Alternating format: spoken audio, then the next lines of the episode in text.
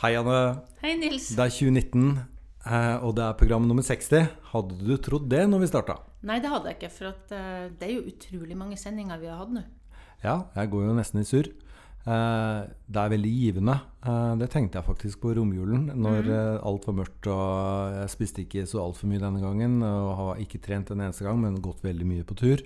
Ja. Så tenkte jeg at det er utrolig kult å ha dette her. Det er at man bare øyner muligheten for at man kanskje har hjulpet noen. Så får man, eh, i hvert fall får jeg, litt eh, god samvittighet. Mm. Og da sover jeg enda bedre på puta enn det jeg ellers hadde gjort. Det er veldig bra.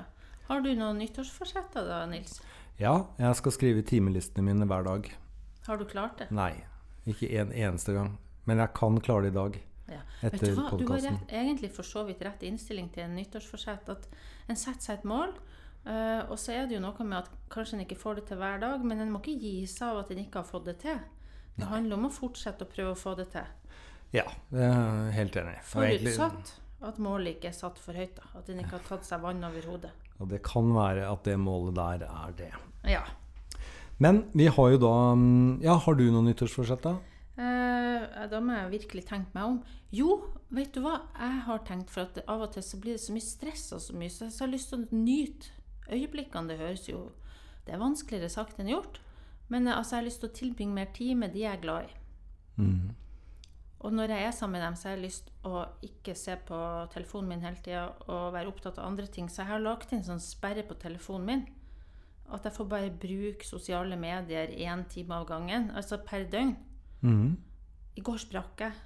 Ja. Apropos nyttårsforsett. Men gjorde du det på toalettet? Nei, altså da økte økte den dosen. For du kan justere den, vet du. Ja, men du kan jo liksom Hvis familien vet det, så kan det hende at du blir eh, At du, du kjører misbruket skjult. At du går på Ja, do med sant, telefonen. og sånn. Men eh, jeg tror det er et poeng. Jeg tror mange av oss blir veldig sånn litt rastløse og lite til stede her og nå når vi hele tida er sånn påkobla, da. Ja, det, det er jeg helt enig i. Mm. Eh, jeg har ikke noe sånt nyttårsforsett. Nei, for du, du er allerede Jeg er langt over alle grensene. Ja. ja. Du, vi har ett spørsmål som jeg gleder meg veldig til Ja, å stille. Som eh, handler om seksuelle fantasier om terapeuten. Mhm. Og da leser jeg. Hei, jeg har noe jeg lurer på, og som jeg tenker mye på. Jeg syns det er flaut å snakke om, og tør ikke å ta dette opp med terapeuten min. Jeg går i terapi, og har gjort det i ca. to år hos denne terapeuten. Den siste tiden har jeg begynt å føle på følelser og tenke tanker jeg aldri trodd skulle komme frem. Jeg tenker på han hele tiden, savner han, og det føles ut som jeg er forelsket i ham. Jeg har til og med seksuelle fantasier om han. Jeg må bare poengtere dette også, at terapeuten min er en eldre mann, ca. 35 år eldre enn meg. Jeg er 29 år, og i tillegg er jeg lesbisk. Jeg trenger sårt svar og ønsker svar på følgende. 1. Er jeg unormal som tenker og føler dette? Hvorfor skjer det? Hva kan jeg gjøre med det? Vil det gå over? 2. Er det slik at eh, faktisk terapeuter også kan få slike tanker, følelser for klienten, pasienten sin, da uavhengig av aldersforskjell, kjønn, legning osv.? Hjertelig hilsen fra meg. Du, eh, jeg tror ikke denne personen er unormal. For at jeg googla før vi kom opp, før jeg kom opp hit i studio i dag, altså det her med å være forelska i terapeuten sin, det var utrolig mye treff jeg fikk. Så jeg tenker det er en ganske sånn eh, vanlig ting. Eh, så hun, det er så fint hun tar det opp.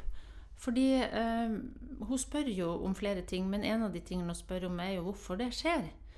Og det har jo jeg tenkt over. At det tror jeg handler om at du sitter der og blir veldig anerkjent. og altså Hvis du har en god, en god relasjon til terapeuten din, så opplever du jo det at du blir veldig møtt og sett på hvem du er og hvordan du har det.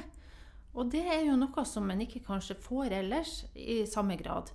Så da tenker jeg at en kan få mange positive følelser overfor terapeuten sin. Det, er ikke noe rart. Dette er jo innafor det å ha positive følelser for terapeuten sin, da. Sånn at uh, jeg tenker, Det er jo ikke sikkert at den forelskelsen stikker så veldig djupt i dette tilfellet, men at det er en sånn form for positiv uh, Ja, du legger mye inn i den terapeuten, og du får veldig mye tilbake. Så det er klart det gir, gir en del sånne type følelser. Ja. Ja, altså du har en terapeut som gjør at du føler at du blir sett, du Ja. blir hørt. Han er interessert på ordentlig i det du har å si, ja. og han hjelper. Ja. Og at disse følelsene, sammen i en liten ball, ja.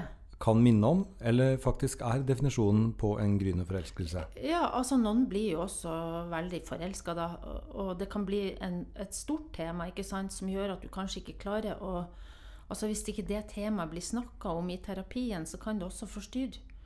Eh, sånn at det er liksom videre til hva, hva, hva skal hun gjøre? Jeg tenker det går an å ta det her opp med terapeuten. En terapeut uh, har jo vært oppi den problemstillinga før. Og la meg bare få si det med en gang. Altså sånn Fagetisk sett så har ikke vi psykologer lov å ha seksuelt Vi har ikke lov å ha uh, sex med pasientene våre. Uh, sånn at det, det burde vært trygt. Det bør være trygt å utfordre Snakk med det her med terapeuten, da.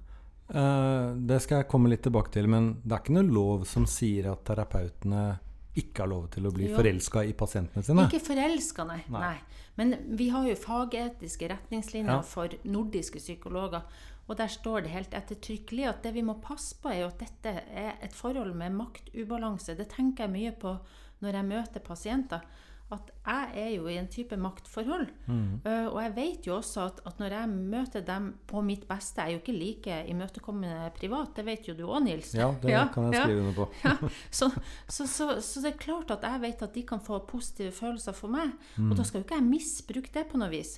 Eh, sånn at det er jo viktig at hvis jeg får sånne følelser for mine pasienter, at, at, jeg, at jeg virkelig tenker over hva er det som skjer nå, og at jeg jobber med meg sjøl, søker meg råd og hjelp. For vi må klare å sortere det her. Altså hva er mitt, og hva er den andre sitt. Ja. Og prøve å skjønne at noe av det her handler om, om eh, det som psykodynamikerne kaller motoverføring, og, altså overføring og motoverføring. Men før jeg bare spinner videre Ja. på det litt, så mm, er det vel Jeg vil støtte deg i at eh, jeg vil anbefale innsenderen å ta det opp med terapeuten sin, for det virker som at eh, de to har en god terapi, eh, og at eh, han tåler det fint, og at det faktisk er viktig eh, for terapien at hun eh, er ærlig om de tankene der. Altså Det Ja. kan være viktig informasjon i hva enn de Jeg vil også tenke det, for at Noe av det de kunne utforska, er jo hva er det hun savner ellers? Mhm. Hva er det hun får her som hun ikke har fått ellers? For at veldig mange som kommer i behandling, de har kanskje grunnleggende behov som de ikke får dekt ellers. Det kan handle noe om hennes forhold til menn, eller forhold til sin far, eller et eller annet de må utforske, ikke sant? Mhm. uh, hva er det du mangler?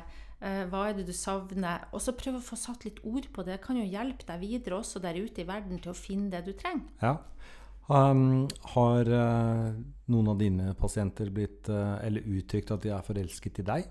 Altså, du kan kalle det sånn Det jeg har opplevd veldig mye, er jo uh, at folk sier veldig til meg at de setter pris på å være der, og at de har mange positive følelser overfor meg. Og så har det jo vært noen ganger at det går over i en slags sånn begeistring som også kan ligne på forelskelse, eller er, er en forelskelse, da. Så det har skjedd. Mm. Hvordan takler du det, da? Egentlig så syns jeg, øh, hvis jeg merker Altså dette kan jo være litt vanskelig, for jeg har ikke så lyst til å gjøre folk forlegen, for jeg tenker det er jo også positivt i en relasjon at de har positive følelser overfor meg. Men det som er viktig for meg å få sagt, hvis dette blir et tema, det er jo at mellom oss kommer det ikke til å skje noe, fordi jeg har mine fagetiske retningslinjer. Så jeg og du kan ikke ha et forhold. Eh, og så, når det er sagt, så er det jo også tryggere å, å utforske hvorfor akkurat meg, hva er det jeg gir dem? Ikke sant? Og Og det da- har, det har skjedd? Sånn ja, som, ja, da ja. kan vi snakke om hva er det de får her i relasjonen som de savner kanskje, eller trenger Ja. akkurat nå. Og så er det jo viktig å huske på de gangene det har skjedd med meg, så har det jo vært pasienter som har vært i krise da, og kanskje det har vært et brudd. Kanskje de har opplevd mye avvisning. ikke sant? Sånn at det er, det er mange forklaringer her som jeg tror handler om mer enn at jeg er så utrolig tiltrekkende, hvis du skjønner. Mm. Så den der maktubalansen og det å bli såpass hørt og møtt, det er ganske sterkt. ja. Og det skulle jo nesten bare mangle at uh, dere nordiske psykologer har uh, denne regelen også. Fordi det er jo eh, veldig skjevt maktforhold i det forholdet der. Ja. Det er jo egentlig sånn metoo over hele Det er det, vet du. Det er helt greia. sant. Men hun hadde jo delt opp spørsmålene sine i to deler, og før vi går på del to, så kom jeg bare til å tenke på at jeg Altså det blir sånn halvperifert, da, men det blir jo Jeg har en venninne som har en venninne. Ja. Venninnen eh, gikk til psykolog, hadde behov for det. Og etter den fjerde gangen hun var hos denne psykologen, det var en mann, så ifølge da min venninne, så sier psykologen at jeg tror faktisk ikke vi skal eh, ha noen flere timer. Ja. Vi kan ikke treffes noe mer på dette viset. Eh, fordi han var forelsket i henne. ja. Eh, så da Sa han det rett ut, da? ifølge Ja, historien, så gjorde han det. Og de er gift nå, da, og har barn, og alt er eh, kjempefint. Så hennes andre del er jo liksom Kan terapeuten bli forelsket i pasienten sin? Eh, Og svaret på det er jo selvfølgelig ja. Ja, selvfølgelig. Det har ikke skjedd meg, da. Nei.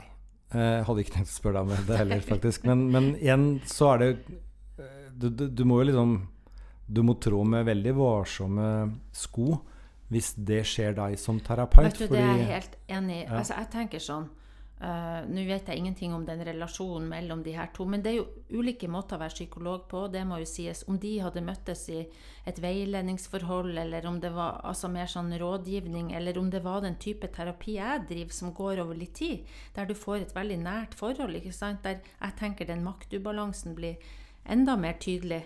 Eh, og så Hvis jeg hadde kjent at jeg ble forelska i noen som gikk til meg For jeg, kan, jeg kan jo ikke si til deg at det aldri vil skje.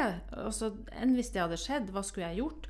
Jeg ville tenkt Det første jeg ville gjort, var ikke å si det til pasienten min. Jeg ville først gått og snakka med en kollega og prøvd å sortere litt hva jeg savner, og hva det er som gjør at jeg faller akkurat for denne personen. Uh, så jeg tror jeg først ville gått noen runder med meg sjøl. Og så tror jeg også jeg ville prøvd å vært litt tålmodig og sett om dette var noe som jeg kunne løse på en måte som gjorde at jeg ikke sa noe til denne pasienten om det. For jeg tenker, jeg vil jo egentlig beskytte dem litt òg fra at jeg er i et maktforhold til dem. Sånn at jeg vil jo ikke legge noe press på dem heller. Eh, og hvis dette er gjensidig, så er det noe med denne andre personen, da. Altså kan jo være sårbar òg i forhold til opplevelser før og sånn som gjør at, at den faller for meg i den rollen jeg har. Så jeg tror eh, at det skulle vært Det skulle litt til for jeg hadde sagt det. Og, men hvis jeg hadde prøvd alle løsninger på å løse det på andre vis først, og det ikke hadde gått, så måtte jeg også ha sagt til den eh, pasienten at eh, jeg tror ikke vi kan ha noe kontakt. Uh, jeg har diskutert det her med noen kollegaer, og sånn, og det var interessant. For dette er jo ikke sånn som vi kanskje snakker så mye om, det at vi blir forelska i pasienter. Det tror jeg kan være litt sånn tabusert, og jeg er heller ikke så sikker på hvor ofte det faktisk skjer. Jeg har ikke sett noe som helst tall på det. Eh, jeg har jo jobba lenge som psykolog, og jeg tenker det er nok noe i det her med at du skal hjelpe andre som gjør at Altså det skaper en type forhold som gjør at forelskelse er ikke det første som har slått meg, da. Nei. Eh, men eh, samtidig, jeg syns ikke Hvis en psykolog altså Det er noe med å være litt sånn ærlig om følelsene sine, og så er det noe med å løse det kanskje mest mulig eh, på egen hånd. Eh, og hvis ikke det eh, går, så ville jeg absolutt sagt et ja, du kan ikke gå til meg. Jeg vet heller ikke om jeg ville begrunna hvorfor med at jeg er forelska. Sånn at, for jeg tenker også her da, Hvis de ble gift seinere, så må det i hvert fall ha vært et opphold her etterpå. Altså, Du kan ikke gå rett fra det, og så er du sammen, hvis du skjønner. Nei. Og, og du, du bør snakke med noen som psykolog og finne litt ut av det. Mm. Og du bør nok også tenke litt på hvem den andre Sånn som jeg som jobber med mange som har vært utsatt for veldig mye mishandling, overgrep, så vet jeg de er sårbare fordi de grunnleggende sett har mangla så mye. Mm. Så, så, så har de sånn veldig behov for noe. Og da tenker jeg at de blir forelska i meg, men det er på litt sånn falske premisser, hvis du skjønner. Ja. Så, så jeg, ville hatt, jeg ville tenkt veldig Vil det være bra for dem på sikt? Så jeg syns det her er et veldig vanskelig Det er vanskelig. Det skal være vanskelig. Men dere må kanskje snakke litt mer om det, dere psykologer, da, tydeligvis. Ja, jeg vet ikke om vi må det eller ikke, men jeg tenker hvis du får det problemet, så må du snakke om det. Ja.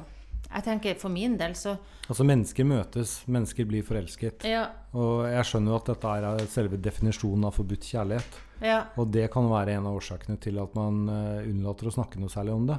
Altså Nå tenker jeg også på at terapeuten blir forelsket i pasienten. Men der har du en plikt som psykolog. Altså at hvis du får en type fagetisk eh, utfordring, så skal du søke hjelp for din egen del og finne ut av det. Ja. Så jeg vil tenke at eh, Nei, jeg tror ikke at jeg må snakke nødvendigvis med andre psykologer om, om det her temaet på generelt basis, men jeg har en plikt hvis jeg får de her utfordringene. Og jeg tenker også hvis jeg har noen pasienter som blir forelska i meg, så er det en type problemstilling som da vil jeg snakke med noen som jeg kjenner. Mm. Og drøfte anonymt, så klart, og finne litt ut i samråd med noen hva som er lurt å gjøre. Ja. Det høres smart ut. Hvis vi bare skal oppsummere eh, den, eh, disse to spørsmålene da, til eh, Ja. niokjøringen, Ja. så er ledd én, nemlig er dette normalt, er jeg sprø siden jeg liksom begynner å få varme følelser for terapeuten min? Nei, det er Nei. du ikke. Vi oppfordrer deg til å snakke med terapeuten din om følelsene dine. Det Mm. tror vi går bra. Nummer to, er det faktisk slik at terapeuter også kan få slike tanker? Eh, ja, men der er det klare regler. Eh, så det er eh, det nærmeste en forbudt kjærlighet vi har kommet. ja, helt greit oppsummert. Så du det siste spørsmålet? Vil det gå over? Ja, vil det det? Vil det gå over? Ja, men det tror jeg forutsetter Jeg tror dette vil kunne forstyrre mer og mer hvis en ikke får snakke om det. Mm. For her trenger en hjelp til å sortere litt. Ja. Uh, og finne også ut eh, Altså Det er det jeg snakka om, som var motoverføring og overføring. Altså Som pasient, når du kommer inn i en relasjon til en terapeut, så overfører du noe av det du har opplevd før. Eh, både i positiv og negativ forstand. Du kan jo også komme inn i terapirommet og være veldig skeptisk, og alt jeg sier, blir tatt i verste mening. Fordi du har opplevd veldig mye krenkelser før. Eh, og så motsatt, da. At du kan få de her positive følelsene som du overfører på, på den her terapeuten. Og terapeuten blir nærmest som en sånn gud, hvis du skjønner. Ingenting er feil med han. Du overfører alt det der. Eh, og, og, og da tenker jeg samme altså, Begynne å bli litt sånn klar over det, få satt ord på det. Det er klart at da vil det gå over, mest sannsynlig. Særlig for hun som egentlig ikke Hun, som, hun syns jo det her er helt rart. Altså, det er ikke sikkert det er Hun har jo ikke den legninga. Nei. Nei. Eh, Så, sånn at hun, hun sier også jeg tror det kan være en form for forelskelse. Men det, kan jo, det, det er en form for fascinasjon og positive følelser. Og et element kanskje av forelskelse. Jeg vet jo ikke 100 jeg har aldri snakka med henne. Men jeg tenker selvfølgelig vil det kunne gå over. Um, kan ikke du sende oss en eh, mail uh, og fortelle hva du gjorde? Det er jeg Ja. spent på. Det hadde vært spennende hvis vedkommende hadde gjort det, men jeg tenker også selvsagt at det får kunne være mellom oss. Det kan være anonymt, og det er jo ikke sånn som vi trenger å diskutere på lufta. Det som er fint med det vi får, det er en fin anledning til å si det. Altså, alt jeg sitter med, er 100% anonymt. Jeg ser ikke noe navn eller noe Nei. som helst. Alt er borte. Men, men også må jeg også si, Nils, for dette går til alle som sender til oss. Det er jo ikke alle spørsmål vi får svart på, men vi leser alle. Mm. Og jeg tror det er når man får sagt til de som ikke får svar, at vi, eh, vi Ja, vi har eh, sett og hørt, men vi rår ikke over å svare på alt. Men vi rår over ett spørsmål til, og da leser jeg. Ja. Hei, jeg lurer på hvordan jeg kan hjelpe min mor. Hun har slitt med depresjon hele livet, har tillitsproblemer og har mye angst. Hun har fått diagnosen PTSD. Hun har søvnproblemer, og jeg har vanskeligheter med å prate med henne, føler at jeg blir pushet ut av livet hennes. Hva kan jeg gjøre for å for forbedre denne situasjonen? Det er et veldig kort og greit spørsmål, men det er egentlig ganske komplekst i den forstand at jeg tenker også på at denne jenta, innsenderen, det var ei jente, Det vet vi ikke. det vet vi ikke. Nei, denne innsenderen er jo også pårørende. ikke sant? Du, du har en mor som har slitt veldig lenge, og som har flere typer plager. Uh, og jeg tenker dette er òg en person som trenger å ta vare på seg sjøl, ikke sant? Eh, Mange pårørende bruker veldig mye krefter på å prøve å hjelpe den i familien som plages da. Og, og lurer hele tida på uh, liksom, hva skulle jeg gjort bedre, og hvordan kan jeg nå inn? Uh, og så tenker jeg, Det de hadde trengt, uh, tror jeg, er litt åpenhet rundt hva de tenker og føler i forhold til hverandre. For det jeg ser ofte når jeg inviterer inn pårørende, for det er jeg opptatt av, at hvis noen går til meg, har de en partner eller har de barn, prøver liksom å Kan vi invitere dem inn? For de har ofte noen spørsmål, og de vil ofte altså, Ofte kan det bli litt sånn elefanten i rommet. ikke sant? At de snakker ikke om det seg imellom. Uh, og så kan de bare gå rundt og føle og tenke og tro hvordan den andre har det. Uh, Erfaringa mi med mange som har barn, er at de tenker veldig mye på hvordan barna har det, men at de kanskje ikke vet helt hvordan de skal snakke med ungene sine om plagene sine. Sånn at de trenger kanskje av og til litt litt hjelp. Uh, så det jeg håper for denne innsenderen sin del, er jo at eh, denne mora har en eller annen behandler. For at jeg mener at det er helt legitimt å spørre uh, mora si om jeg kan få være med dit, om Ja. vi kan få snakka litt sammen. Uh, og at denne personen har lyst til å kanskje si også jeg føler meg pusha ut. Og det fikk meg til å tenke kan det være at denne mora prøver å skåne barnet sitt ved å pushe ut og ikke informere så mye. Og så er jeg ikke klar over at det, det funker ikke så bra, for at vedkommende innsender føler seg jo faktisk avvist. Ja. Det er jo eh, bare helt på et sånn generelt grunnlag. Ja. Hvis man har en mor som har slitt med depresjon hele livet sitt, Ja. som har fått en diagnose, posttraumatisk stress, ja.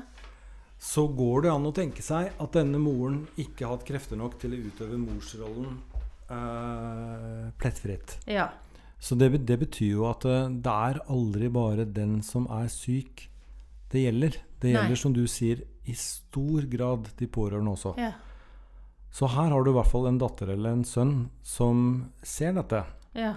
Som føler at uh, moren isolerer seg, og at uh, da sønnen eller dattera blir pusha bort. ja. Og det uh, er det lurt å prøve å gjøre noe med.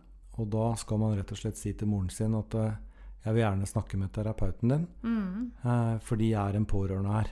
Eh, jeg trenger å vite mer om, om Hva det som er du lurt å sliter gjøre, for det er det mange, mange lurer på som kommer til meg. Det, skal, jeg, skal jeg pushe? Eh, Hvor, hvor går grensen? Skal jeg oppmuntre? Skal jeg pushe dem til å gjøre ting?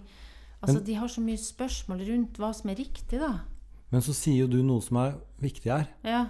Nemlig at uh, den som da er pårørende, kan liksom føle at uh, foreldrenes uh, tilbake... Eller mammaen er, da. Tilbakeholdenhet. At, eh, at sønnen eller dattera blir pushet bort, ikke nødvendigvis er egosentrisk. At det faktisk handler om å skåne barnet sitt. Ja, det sier jeg ut ifra erfaring jeg har med mange som har eh, barn eh, og partnere som sier til meg at de vil egentlig de vil skåne de andre. Og så klarer de ikke det helt, fordi du vet sånn nonverbalt så klarer du ikke å skjule at du ikke har det bra, men de, de setter ikke ord på det. De tenker at de skal ikke bry dem. Eh, men så kan det bli litt sånn mellom dem. altså Stemningsmessig så merker jo de andre det. Sånn at den her åpenheten kan være mye bedre. Ja. Eh, og så, altså, men her er det jo grader av alder og sånn på barn. Altså, skjønner du, altså, du skal jo skåne barna dine til en viss del òg. de skal jo ikke nødvendigvis få høre alle detaljer. Det spørs alder og eh, setting. Jeg må jo si hvis, eh, hvis det er barn som er mindreårige, så har de fleste distriktspsykiatriske senter eh, De har jo på plass sånn type eh, barneansvarlig som skal eh, kalle inn barna og gi dem informasjon og gi dem muligheten. Og det fins også gruppetilbud til barn av psykisk syke og barn av foreldre med rusproblemer. Det er jo fordi en anerkjenner at dette er en gruppe som trenger hjelp. Eh, Men også hvis du er voksen og har foreldre som har problemer, så, så trenger du jo ofte hjelp. Ja. Ja. Så det er jo et eh, kjemperåd, det. Um, snakk med mor. Få lov til uh, å snakke med terapeuten. Og, men hvis hun ikke går, har, går i terapi, ja, da? var det jeg tenkte på. Det er jo ikke sikkert å gjøre det. Nei, hva gjør vi da? Ja, hva gjør vi da? Altså, jeg tror uh, Dette denne innsenderen skriver om, at- om at hun eller han føler seg pusha vekk, er jo kanskje noe du burde snakke med mora di om. Jeg vet jo også at mange pårørende syns det er vanskelig, fordi de leter etter rett tidspunkt for at du har en, en eh, mor eller far som har du, liksom, Nå er de i god form, og da vil hun i hvert fall ikke plage dem. Og når de er i dårlig form, så passer det i hvert fall ikke. Eh, sånn at det er ikke så lett alltid å finne rett tidspunkt for det her. Eh, men jeg, jeg tror jeg ville tenkt at det må være lov å prøve. Og at eh, mange av de som, er, altså, som har psykiske plager, de har jo sjøl mange tanker rundt eh, hvordan de belaster de rundt seg. Vet du, Det er min erfaring. Eh, og, og det gjør det litt vanskelig, for da kan det være sånn at når de pårørende kommer, så er de så redd for at nå blir mamma og pappa ekstra lei seg. ikke sant? Så det er litt sånn utfordrende. Men det som er da eh, fint, holdt jeg på å si, er at eh, denne mammaen har en diagnose. Ja. Så da går det an å si det at eh, jeg vil gjerne at vi to går sammen Ja. og snakker med noen Ja. om diagnosen din. Ja. Jeg har behov for å forstå den. Jeg har behov for hva jeg, hva jeg kan gjøre. Posttraumatisk stress, søvnproblemer, det er jo uh, en del ting som Mm. Det som er en utfordring også med depresjon, posttraumatisk stress, uh, er jo at altså isolasjon er en veldig stor utfordring. En av de store, viktige tingene som jeg prøver å hjelpe folk med, er å få dem litt ut av denne isolasjonen. Mm. Sånn at En fin måte for pårørende å hjelpe, uh, hjelpe på, er jo å, å, spørre litt om vi skal finne på noe sammen, og prøve å oppmuntre dem til å sette seg noen mål i forhold til ja, gåturer, få frisk luft, gå på kafé, et eller annet som kunne fått dem litt, litt, litt over uh, dørstokken. Uh, det er en måte å hjelpe til på, ikke sant? Ja. Og så er det også sånn at uh, du har kanskje ganske mange minner. altså Det er mye sånn flashbacks, og kanskje du grubler mye rundt ting som har skjedd før. Uh, at, at, det her å få et litt annet fokus noen ganger, det er jo det pårørende kan hjelpe til med. Også selvsagt, uh, hvis de har lyst til å snakke om det, at du kan høre på dem. Men da er det også viktig at du som pårørende tenker litt på deg sjøl. Selv. Selvsagt skal du høre på mora di, og hun, vil jo gjerne, hun eller han vil jo gjerne det. Men også tenk litt sånn over hvor mye du tåler, og hvor mye du orker der og da. Det er lov å, å noen ganger også sette grenser. Men der er pasienter forskjellige. Noen, noen, tar for mye, hvis du skjønner. Veldig mange igjen gjør ikke det. De er redd for å belaste. Så jeg vil tenke i bunn og grunn så er det å begynne å prøve å snakke sammen det viktigste, da. Og det var de, det vi rakk ja. i program nummer 60. Ja. Men jeg bare, jeg lurer på én ting før vi, vi ja. slutter. Er det sånn renn på psykolog sånn etter jul? Ja. Ja, det er det. Men, men, også, ja, for at i juleferien, vet du, alle sånne høytider, masse tid hjemme, fritid og sånn, da er det mange som kommer på at de trenger hjelp. Ja. ja. Og fortsatt så er det veldig lang ventetid. Ja, nå det skulle jeg si. Men jeg har jo funnet ut uh, Det fins jo Kommunene har jo begynt å få på plass en del uh, gode tilbud. Eh, sånn som her i Trondheim så heter det Mestringstilbudet til Trondheim kommune. Eh, og i Oslo heter det Rask psykisk helsehjelp. Og det betyr lavterskelhjelp, altså der en lurer på om en har Uh, altså lettere psykiske plager. En har ikke mm. fått noe hjelp før. Så da kan, det er både gruppetilbud og det er mulighet til å få snakke med noen. Mm. Uh, det, det, er psykologhjelp, men det er sikkert også andre som bidrar. Uh, så dette kan du finne på nettsidene til kommunene rundt omkring i, i, Norge, og det er veldig bra. Sånn at nå, for det, Pga. lange ventetider til sånne som meg, som har sånn type avtale med spesialisthelsetjenesten, så må en jo også jobbe litt mer forebyggende, og det har blitt mer av det. Ja. Det var gode avsluttende ord. Da snakkes vi neste gang. Da er det program nummer 61. Ha ja, det bra. Ha det.